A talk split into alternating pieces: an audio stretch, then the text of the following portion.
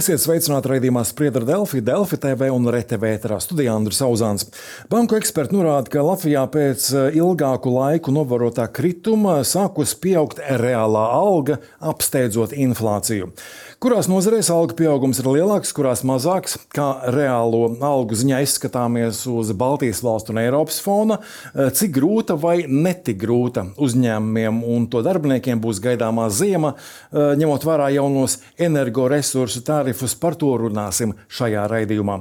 Šodien studijā Latvijas Bankas monetārās politikas pārvaldes makroekonomikas analīzes daļas galvenais ekonomists Oleks Krasnopjoros. Sveicināti! Labdien! Un eh, bankas citadēla ekonomists Mārtiņš Aboliņš. Labdien! Labdien. Uh, vispirms par datiem. Uh, uz ekrāna varam paskatīties šo grafiku par vidējās algas kāpumu valstī kopš 2011. gada. Skaista, augšupejoša līkne ar nelieliem kritumiem atsevišķos gados.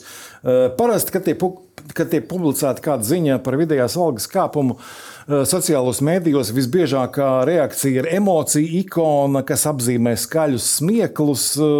Nu, jūs ar šiem datiem strādājat. Cik ļoti tiem datiem jūs uzticat? uzticaties, nu, vai tur tiešām nav kaut kādas uh, kļūdas vai nobīdes? Nu, jā, tātad. Uh... Uz šo attēlu mēs skatāmies, un šī dinamika vienkārši acīm redzama. Ir kā vidē alga aug, uh, un, un pat bez tiem datiem par vidējo algu vai iekšzemes koproduktu, uh, ja mēs salīdzinām dzīves līmeni Latvijā, kas ir šodien un kas bija 90. 90. gados, kā izskatās Rīga, kā izskatās Latvijas ļoti mazas pilsētas, kā sabiedriskais transports izskatās. Nu, tur nu, nu, tom, tomēr starpība ir. Ja, līdz ar to tād, šis ienākumu kāpums tas patiešām ir. Ir jautājums par to, vai precīzi vidēja alga auga par 12% gada laikā, par 11 vai 13. Cik lielā mērā tas ir tas, kā, tas, kā aploksņu algas tagad ir oficiālā ekonomikā. Par to mēs varam diskutēt, bet par to, kā vidēja alga aug un tas atspoguļo to, kā aug vidējais ienākuma līmenis, tas, protams, Cik jūs, prāt, uz, uzticami ir šie dati, un vai tur var būt kaut kādas nobīdes? Es piekrītu, ka tās nobīdes ja ir. Tas ir jautājums, aug tur 10 vai 12 procenti, bet tas, ko mēs redzam banku sektorā, cilvēkiem katru mēnesi, ko viņi saņem savā kontā, nauda kļūst vairāk. Latvijas Banka arī apkopo visu teiksim, banku kredītkāršu izsniegto maksājumu kāršu apgrozījumu. Tur ir pieaugums faktiski 50% trīs gadu laikā, ko mēs reāli tērējam, ko mēs ejam uz veikaliem, ko mēs ņemam naudu ārā no bankomāta un valsts budžetā nodokļu ieņēmumu. Tas pats iedzīvot ienākumu sociālās apdrošināšanas. Tur mēs redzam viens un tos pašus kā skaidrs, ka algas un ienākumi Latvijā aug, Protams, mēs vienmēr varam diskutēt, kurā brīdī tas ātrums ir lēnāks vai ātrāks, kā rāda statistika. Tur, tur ir nianses, kā to uzskaita.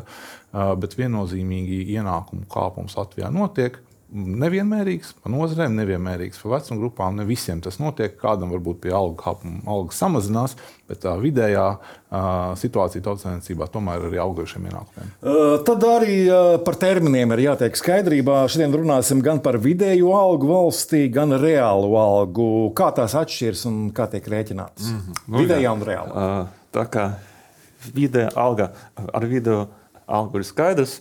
Uh, jā, Eh, ja alga gada laikā auga par 12%, bet inflācija, piemēram, ir 20%, tad reālā alga samazinājās par 8%, jeb, eh, jeb mūsu algas pirktspēja saruka par 8%.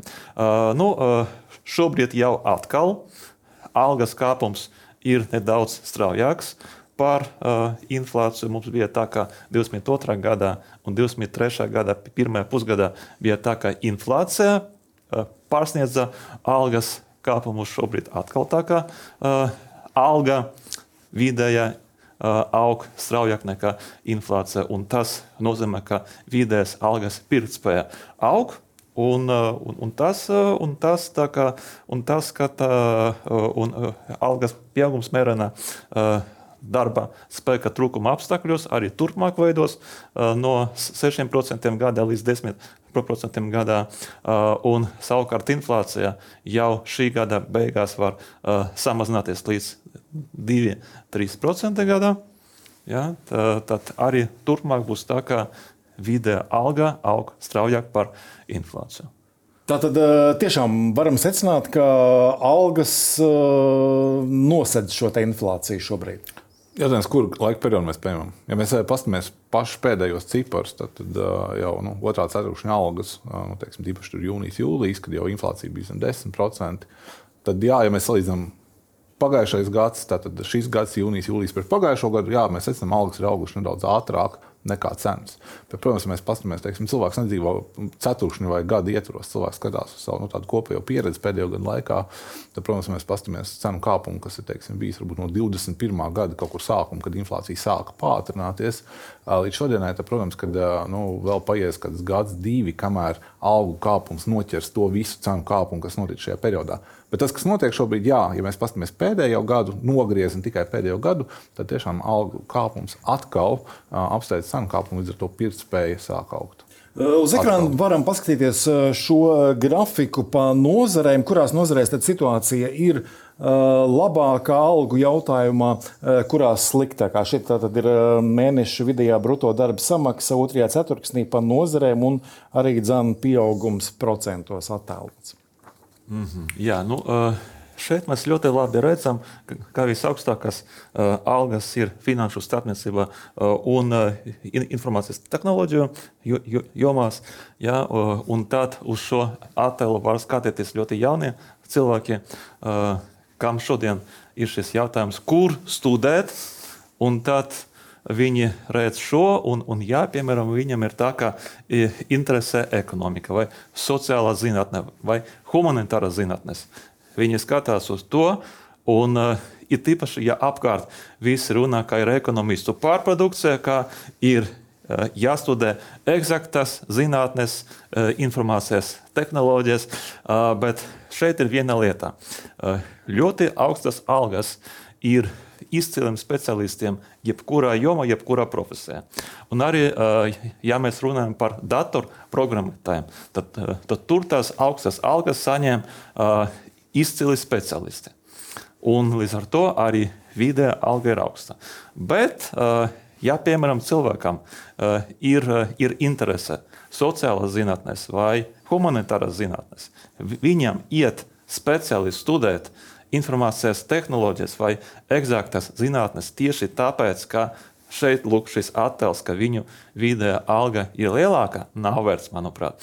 Jo uh, ir divi iemesli tam. Viens iemesls ir tas, ka situācija var mainīties ļoti ātri, uh, un kā tieši izmainīsies situācija, mēs iepriekš, tā kā visam mūsu prognozēm, mēs, uh, mums nav iespējas paredzēt to ļoti precīzi. Kas, uh, pandēmija sākās, tur izmaiņas bija globālā finanšu krīze, kas vispār visas ilgtermiņa darba tirgus prognozes izmainīja. Jā, kas būs turpmāk, tas nav zināms. Viena lieta gan ir zināma, ka patiešām ir, ir jāstudē tā, lai kļūtu par visizcilāko speciālistu savā jomā. Tad faktiski jūs varat strādāt jebkurā profesijā, jebkurā jomā, un jums viss būs labi. Tad sanāk, ka nemaz nav tik droši studēt, piemēram, par banķieri, jo mēs nezinām, varbūt kaut kādas kataklizmas pasaulē atgadās, un šī tabula pēc gadiem var būt pilnīgi cita. O, nu, noteikti viņi var būt citi. Es arī, ka mēs īpaši Latvijā paskatīties teiksim, vadošos uzņēmumus dažādās nozarēs, tad pārtiks ražošana, kokapstrāde, uh, kaut kāda elektronikas ražošana, IT joma vai finanšu joma, vidējais algu līmenis nemaz nav tik atšķirīgs. Tiešām vadošie, kas ir teiksim, uzņēmumi, pārstāvja nozares zemākais atalgojums saistīts teiksim, ar liel, lielāku skaitu un teiksim, mazāk produktīvu, mazāk efektīvu uzņēmumu, kur tās algas ir mazākas. Tīpaši mēs domājam par Um, par rūpniecību, tāpēc es piekrītu, ka mēs skatāmies, kur mēs gribam iet mācīties, kādu profesiju gribam izvēlēties. Pirmkārt, jāsaprot, kas ir tas, kas man patīk, ko es gribu darīt. Jo tad es ticamāk arī tur būšu efektīvāks un, un, un teiksim, labāks speciālists savā jomā. Nu, ja mēs skatāmies šeit, tad, protams, mēs redzam, ka pirmkārt algas augas apmērā visās jomās. Nu, tas teiksim, ranžējums starp nozarēm, nu, tāda liela pārsteiguma nav. Teiksim, mēs skatāmies, kur ir zemāk atalgotās nozares, tur pārstāvās ir, teiksim, kur prasa mazāk teiksim, kvalifikāciju. Vienīgais izņēmums var būt izglītības nozara, kur mēs jau ilgstoši redzam, ka izglītības nozara mums ir viena no zemāk atalgotajām nozarēm Latvijā. Līdz ar to nu, nav arī pārsteigums, ka mēs redzam, ziņā varbūt arī budžeta pusē lielāko spiedienu uz algu kāpumu tieši šajā nozarē. Otra ir veselība, kur šogad ir ļoti mazs algu kāpums, jo vienkārši beigušās Covid piemaksas. Nav no, šīs tās divas jomas, ne, kur viena ir zema atalgota, otrā ir mazs pieaugums, kur mēs redzam to, to lielo spiedienu celt atalgojumu. Vai ir kaut kādas nozares, kur tās algas ne tikai neaug, bet arī pat tiek samazināts? Nu, šajā grafikā mēs neko tādu neredzam. Um, Nozara griezumā uh, noteikti nē. Uh, uzņēmumu griezumā var būt visādi. Uh, mēs redzam, ka šis gads nav pārāk labs uh, rūpniecības nozarēm daudzām ir eh, eksporta pieprasījuma samazinās. Tā tādā uzņēmuma līmenī es pieļauju, ka tādas situācijas var būt. Eh, bet, protams, ka šobrīd uzņēmumi jau nu, pēdējās, teiksim, arī Covid pandēmijas laikā sapratuši, ka teiksim, riskēt pazaudēt darbiniekus, tas ir diezgan liels risks. Jo pēc tam kad vajag tos darbiniekus, kad atkal teiksim, ekonomika aug vai man pieprasījums aug, es īstenībā cilvēku vairs nevaru dabūt atpakaļ. Un tāpēc es domāju, nu, tādi uh, gadījumi, ja ir, tad tie drīzāk ir izņēmumi. Tās ir konkrētas specifiskas situācijas konkrētā uzņēmumā, bet tā nav kaut kāda tendence, kas ir ļoti plaši izplatīta. Runājot par vidēju, nevis reālo algu, vai dati rāda arī to, ka pieaug teiksim, tikai lielās algas vai arī mazās? Nu, uh, no vienas puses aug tā, tas ļoti zemas algas, jo, aug, eh, jo šogad mums eh, alga būtiski minimāla alga. Ja? Un līdz ar to visas algas, kas nav minimāla alga, bet kas ir tos minimālai algai, uh, arī auga. No otras, no otras puses mēs redzam, ka sistemātiski aug uh, augstu algu saņēmēju īpatsvars. Un, uh, ir īpaši tas ir interesanti, jo, jo, jo uh, no 20. gada sākuma mēs no visām pusēm nepārtraukti dzirdām par visādām krīzēm. Uh, pandēmijas izraisīta krīze, pēc tam enerģētikas krīze, bet augstu algu saņēmēju īpatsvars, uh, uh, cilvēku skaits privātajā sektorā ar algu virs uh, eh, 3000 eiro brutto mēnesī auga par to laiku no 20,000 līdz 45,000 un turpina augt. Ja? Ļoti tāda interesanta krīze. Ja? Uh, apkārt mēs runājam par krīzi, krīzi. Uh, katru gadu ir atbalsta pasākumi, kas, protams, ir vajadzīgi, jo uh, bez tiem atbalsta pasākumiem mūsu pandēmijas laikā Uh, augtu tā ienākumu nevienlīdzībā. Šie atbalsta pasākumi ir vajadzīgi, bet ir, ir salīdzinoši daudz cilvēku, kam pat pandēmijas apstākļos un, un pēc tam, pēc tam, kas sākās enerģetikas krīzē, šie ienākumi auga pat ņemot vērā, ka bija tā augstā inflācija. Jā, tad mēs varam secināt, ka nu, nosacīti bagātākie un lielāko um, algu saņēmēji kļūst vēl bagātāki. Tā mēs varam teikt. Nu, es gribēju teikt, ka aug caurmērā visas algas un atkarībā no tā, viens ārāk, viens lēnāk. Protams, tās individuālās sajūtas mēs saprotam, ka vienmēr ir. Nu, teiksim, algu kāpums, piemēram, kā var notikties. Cilvēks pamaina darbu, aiziet uz labāk apmaksātu darbu. Jautājums, vai mēs uztveram to kā algu pieaugumu, vai tas aizgāja vienkārši atrast labāku darbu, vai ne? Tev saka, algas ekonomika, kaut kas saka, nē, neaug, vai ne? Man bija tur nezinu, darbs jāmaina. Bet tas ir veids, kādā notiek, vai ne? Otrs, varbūt, teiksim, saka, nu, kur tad aug algas? Saka, nu, tā tiešām nekas nav pieejams. Nu, tur kādi 100 eiro pielikt. Pirms paskatīties, tie 12% tie jau ir tie nu, 100, 100 vai ne 50 eiro.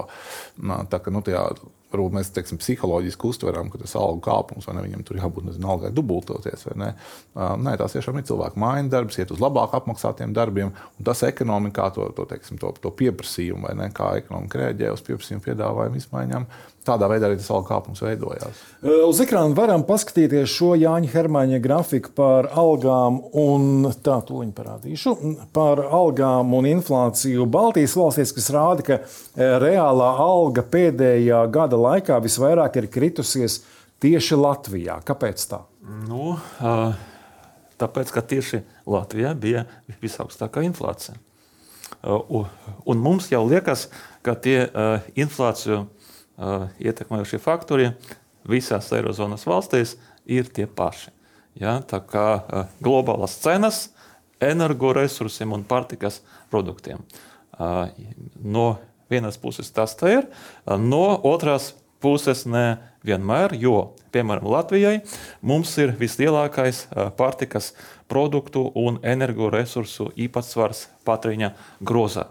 Un tas ir saistīts ar ļoti garu uh, apkures sezonu, kas Latvijā ir seši mēneši. Vismaz, bet, piemēram, Dienvidē Eiropā vai Spānijā, nu, vispār nav. Spānijā viņi maksā par kondicionieru vasarā. Nu, nu, nu jā, bet tas ir vasarā, ne nevis ziemā. Bet tas tieši cenu kāpums energoresursiem bija tieši ziemā.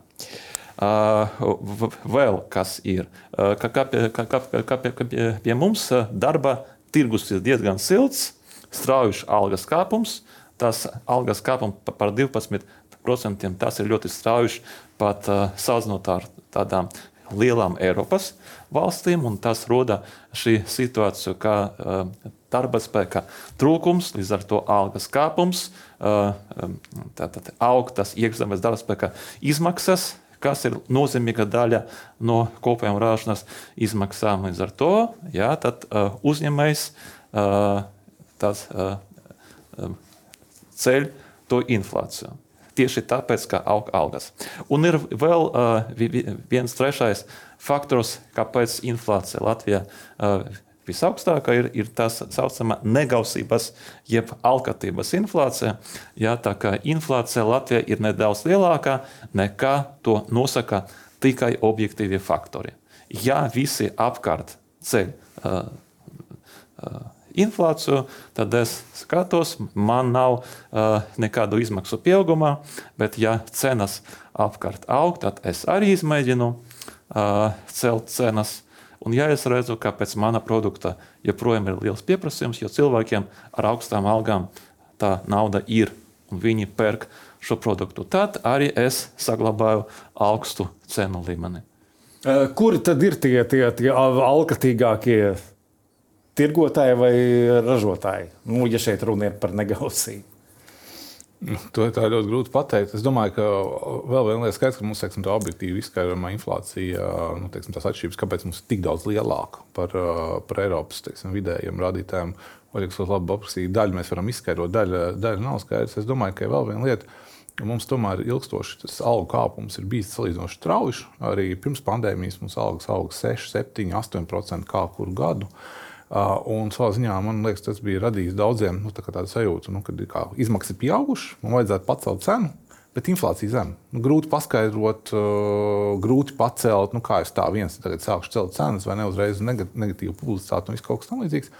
Tajā brīdī, kad inflācija sāk iet, tad bija iespējams gan to, ko iepriekš gribējās, gan nu, neskaidrība, kas būs ar energoresursu cenām, ieliekam kā drošības rezervi. Ukraiņas karš kā visur tāda drošība šeit, drošība tur, tur par vēsturi, par visu, un tā mēs to visu sametām kopā. Tas arī parādās šī negausība. Es domāju, ka ir situācijas, ka tiešām uzņēmumi varbūt izmanto, oh, ir iespēja, mēs vienkārši pacelsim. Tāpēc, ka domāju, pārsvarā tie cenu kāpumi ir kaut kāda objektīva skaidrojuma, tie ir iepriekš bijuši, vai tagad, vai vienkārši neskaidrība, kas būs nākotnē. Uh, nu, un rezultāts tam visam kopā ir tāds. Um, ja algas pieaug, tad varētu šis, ka uzņēmumiem viss ir labi, tie attīstās, bet kāpēc tajā pašā laikā dzirdam, ka uh, viens pēc otra tiek slēgti restorāni un citu uzņēmumu atlaist darbinieki? Uh, nu, tā, tāpēc, ka tiek slēgti tādi veci uzņēmumi. Veci lieli uzņēmumi tiek slēgti, un tas uh, uzreiz piesaista mūsu uzmanību. Bet kad rodas jaunie uzņēmumi, tie ne, nevienam nav pazīstami, vēl ir tādi ļoti mazi uzņēmumi, kas ir jauni, viens, divi cilvēki, nu, kas tur var būt no šī uzņēmuma. Un tad, ja šis uzņēmums attīstās, attīstās, kļūst liels uzņēmums, un tad pēc kāda, nu, tas ekonomika vienmēr ir, kā uh, vieni uz, uh, daži uzņēmumi rodas, daži uh, uzņēmumi tiek slēgti. Tas tā, ir normāls process, vienkārši mēs vairāk pievēršam uzmanību. Jā, jā, un mūsu uzmanība ir, tīpaši pēdējo trīs gadu laikā, nu kā taču no apkārt krīzes notiek, Krievijas iebrukums Ukrainā, tas vajadzētu kaut kādā brīdī ietekmēt Latvijas ekonomiku, un tad skatāmies, kaut kur slēdzās uzņēmums, atlaišana notiek. vai pat darba devēju paziņojums par atlaišanām nākotnē. Uzreiz uz to ir visa uzmanība.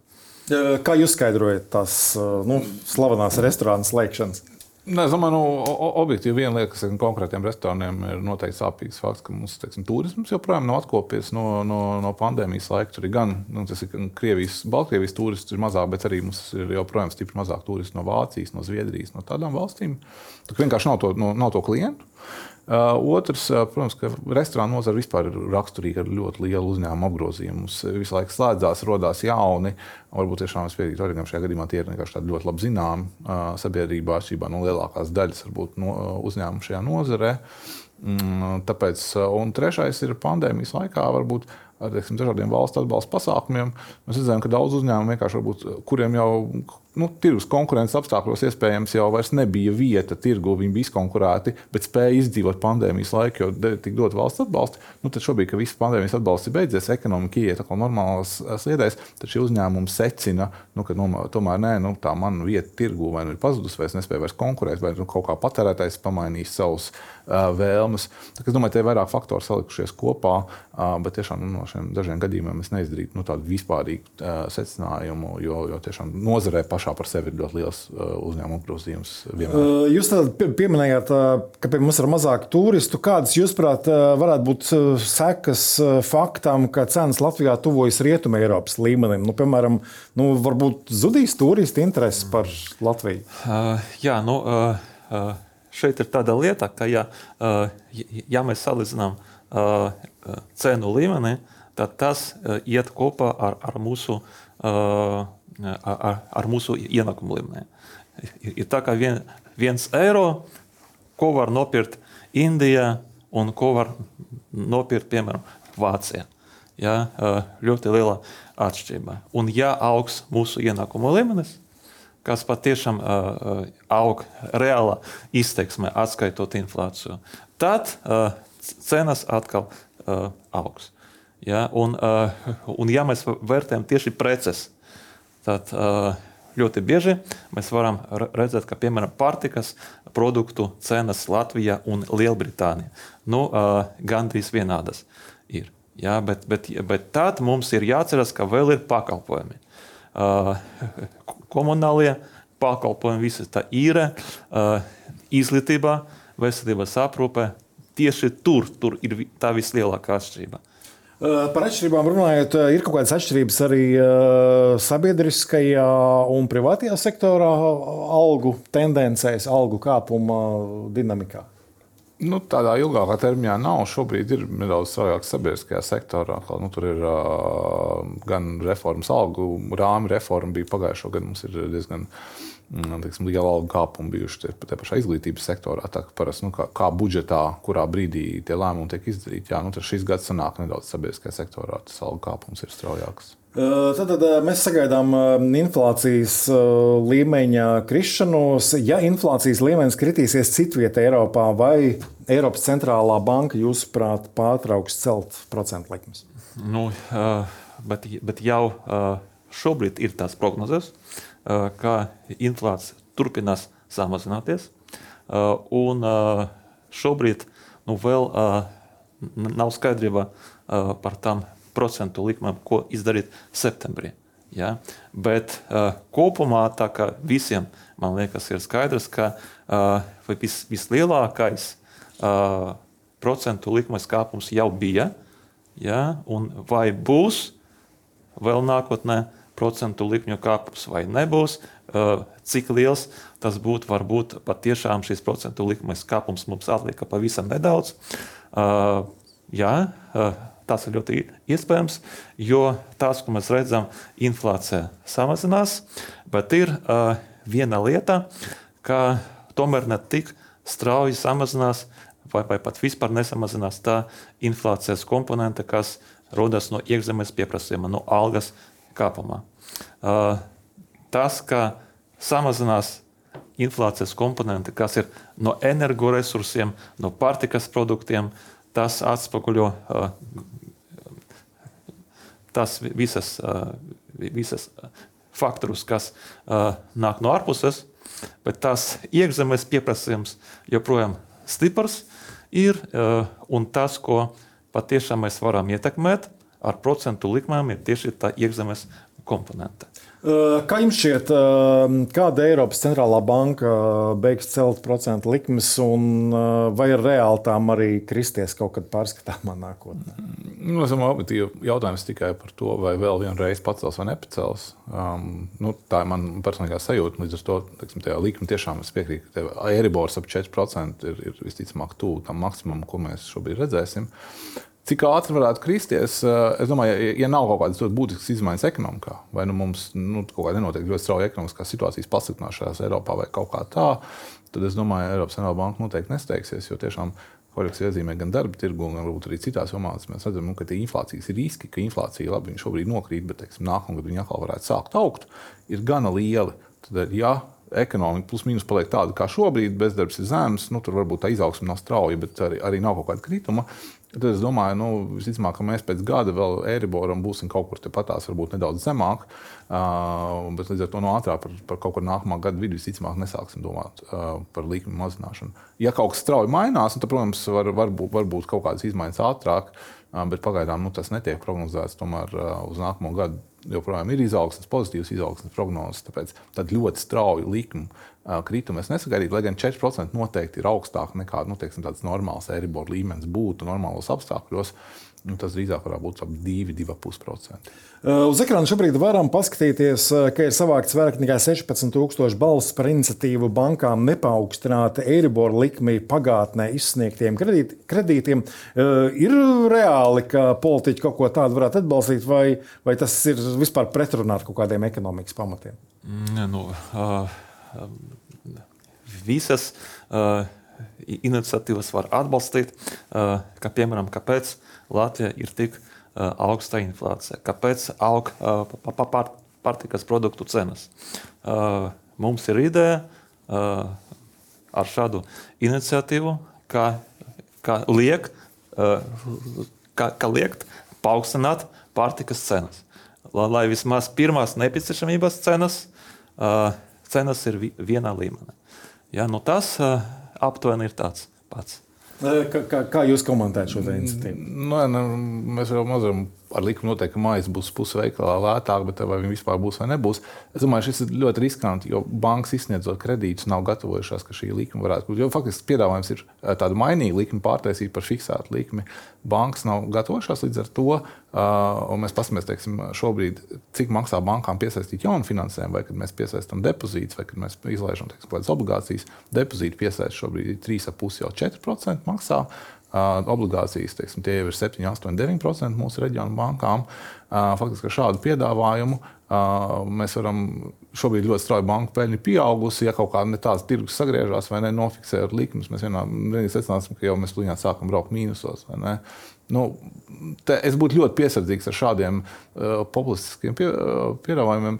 Jā, teiksim, varētu virzīties uz to, ka bankas varētu vairāk sākt piedāvāt teiksim, iespēju izvēlēties fiksētu likumu, kas varbūt nedaudz dārgāk tajā brīdī, bet tev dod drošības garantiju nākotnē. Um, bet ar tādiem ātriem, nepārdomātiem lēmumiem, uh, teiksim, tā visu tas veids, kā banka uzrauga riskus, lai teiksim, nerastos kaut kādas problēmas. Mēs to visu sistēmu varam vienkārši vienā brīdī nu, plaši tiek apspriest arī banku virspeļņas nodokļu ideja. Ir atbalstāma. Nu, uh, to var, var atbalstīt vai var neatbalstīt, bet ir, bet ir jāizbeidz šī situācija, uh, kā visā Eirozonā uh, tas, tas procentu likmes no Eiropas centrālās bankas puses ir tādas pašas, bet tieši Latvijā ir uh, visaugstākās uh, likmes kredīte, kredītiem un viszemākās likmes depozītiem. Un jautājums, kāpēc? Kā to izbeigt? Jautājums tad jums?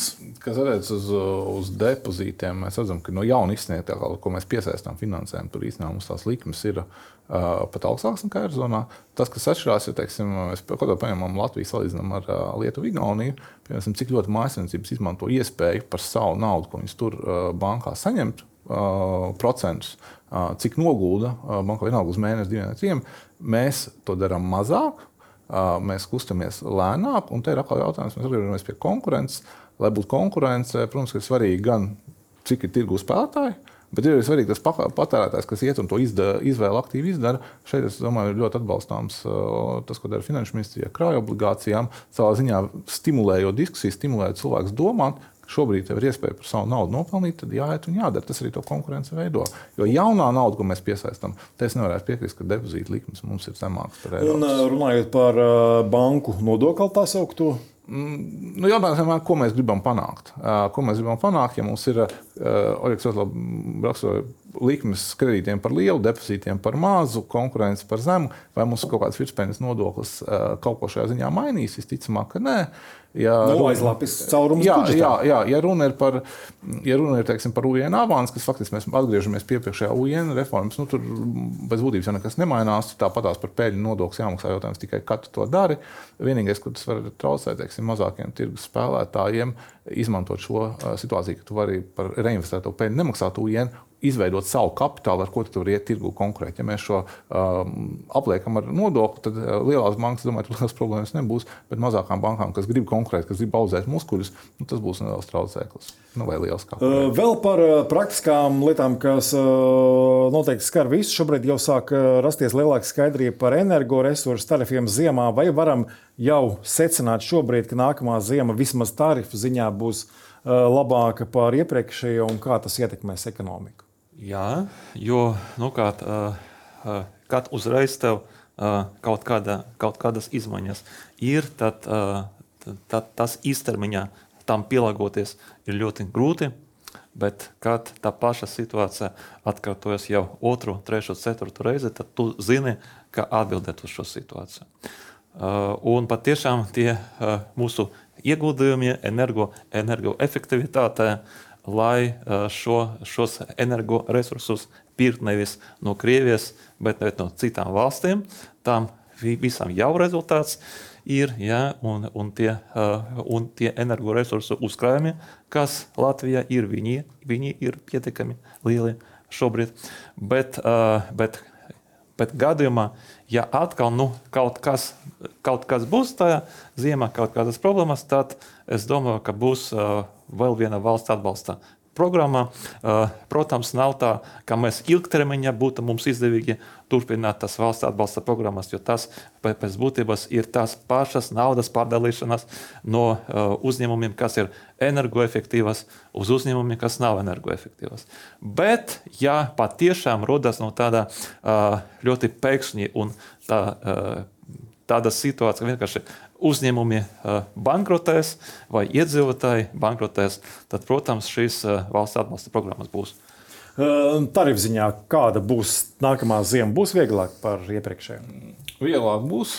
Skaidrs, ka energoresursu cenas ir samazinājušās. Uh, bet nu, tas nebūs tā, ka tur būs uz pusi lētāk vai iepriekšējās cenas atpakaļ. Es ticu, ka mēs pārsvarā nu, siltumenerģijas tarifi varētu būt nu, 20, 25, varbūt 30% zemāk nekā uh, pērn. Skaidrs, ka pērn mēs neredzējām arī pilno cenu, jo būtisku daļu nosedz valsts ar savu subsīdiju. Šobrīd tās subsīdijas nav. Tāpēc nu, tiem gala lietotājiem uh, tas kritums varbūt nebūs tik liels, kā mēs gaidītu. Bet, nu, kas, ja mēs skatāmies, ja šobrīd, šī brīža teiksim, gāzes cena saglabājas, tad tomēr ziemas laikā vai uz pavasara mums vajadzētu redzēt vēl kaut kādus kritumus. Mēs vēl neesam to kaut kādu zemāko cenu līmeni sasnieguši. Uh, šobrīd esam kārtējā valdību nomaiņas situācijā. Teorētiski, vai valdību maiņas kaut kā ietekmē ekonomiku, zinot, ka tas var radīt uzņēmējos kaut kādu nedrošību, neziņu par nākotni? Uh, nu, uh, ja, ja patiešām mums būtu uh, tā kā uh, ir viens valdības variants, uh, kas piedāvā uh, celt uh, valdības izdevumus un, uh, tātad, un celt arī uh, no, no, no nodokļus, un cits valdības variants, kas piedāvā samazināt nodokļus un valdības iz, izdevumus, tad jā. Uh, bet, uh, bet esošā situācija, jā, faktiski no tās plus mīnus ir skaidrs, bet, uh, bet vispār man liekas, ka bieži uh, Eh, tas, tas, kurš tieši strādās tajā valdībā, tas ir svarīgs jautājums, bet šis jautājums ir ļoti bieži pārvērtēts, jo ļoti daudz ir atkarīgs no, ne tikai no tā ministra, bet arī, es domāju, ka pat 90% snieguma ir atkarīgi no tiem cilvēkiem, kas tur strādā. Uh, valdība maiņa ir valsts uzlikšana uz pauzes vai nav? Noteikti mums jau kādu gadu ir pauze, tāpēc ka vienkārši kaut kāda lēmuma mēs redzam, tie paši enerģētikas jautājumi, vēja parka izbūvē, tādas lietas, kas bija ļoti liela prioritāte krīze. Nu, joprojām kavējas, un, un faktiski nu, ir kaut kādā ziņā būtu labi izveidot valdību, kas tiešām kaut kādu laiku strādā un šos ekonomikas jautājumus risina. Jo mums ir ļoti daudz, manuprāt, arī ekonomikā maz jautājumu. Ja mēs skatāmies tīri no uzņēmuma noskaņojuma, nu, tad vēsturiski nav, nav bijis tāds acīm redzams ietekmes no valdības vai, vai maiņām vai vēlēšanām. Un es piekrītu Oregam, ka visticamāk, ka tā politika nebūs tik radikāli atšķirīga no iepriekšējās, nu, lai tam būtu tāds kaut kāds liels wow. Visticamāk, mēs turpinām. Iepriekšējā jautājums tikai aktīvāk, labāk, mazāk labi, cik ātri jautājumi risina, tiek risināti un, un, un cik ātri notiek virzība uz priekšu. Tad gaidīsim jaunumus par šo virz, virzību uz priekšu. Saku paldies raidījumu viesiem. Nākamais spriedra Delfi raidījums ēterā pirmdien, bet arī raidījumā, kāpēc mana kolēģe Olga Dragiļeva ar studijas viesiem runās par to, kā apvienotais saraksts nokļuva opozīcijā un kā tālāk pildīs vēlētājiem solīto. Šodien paldies, ka skatījāties uz tikšanos!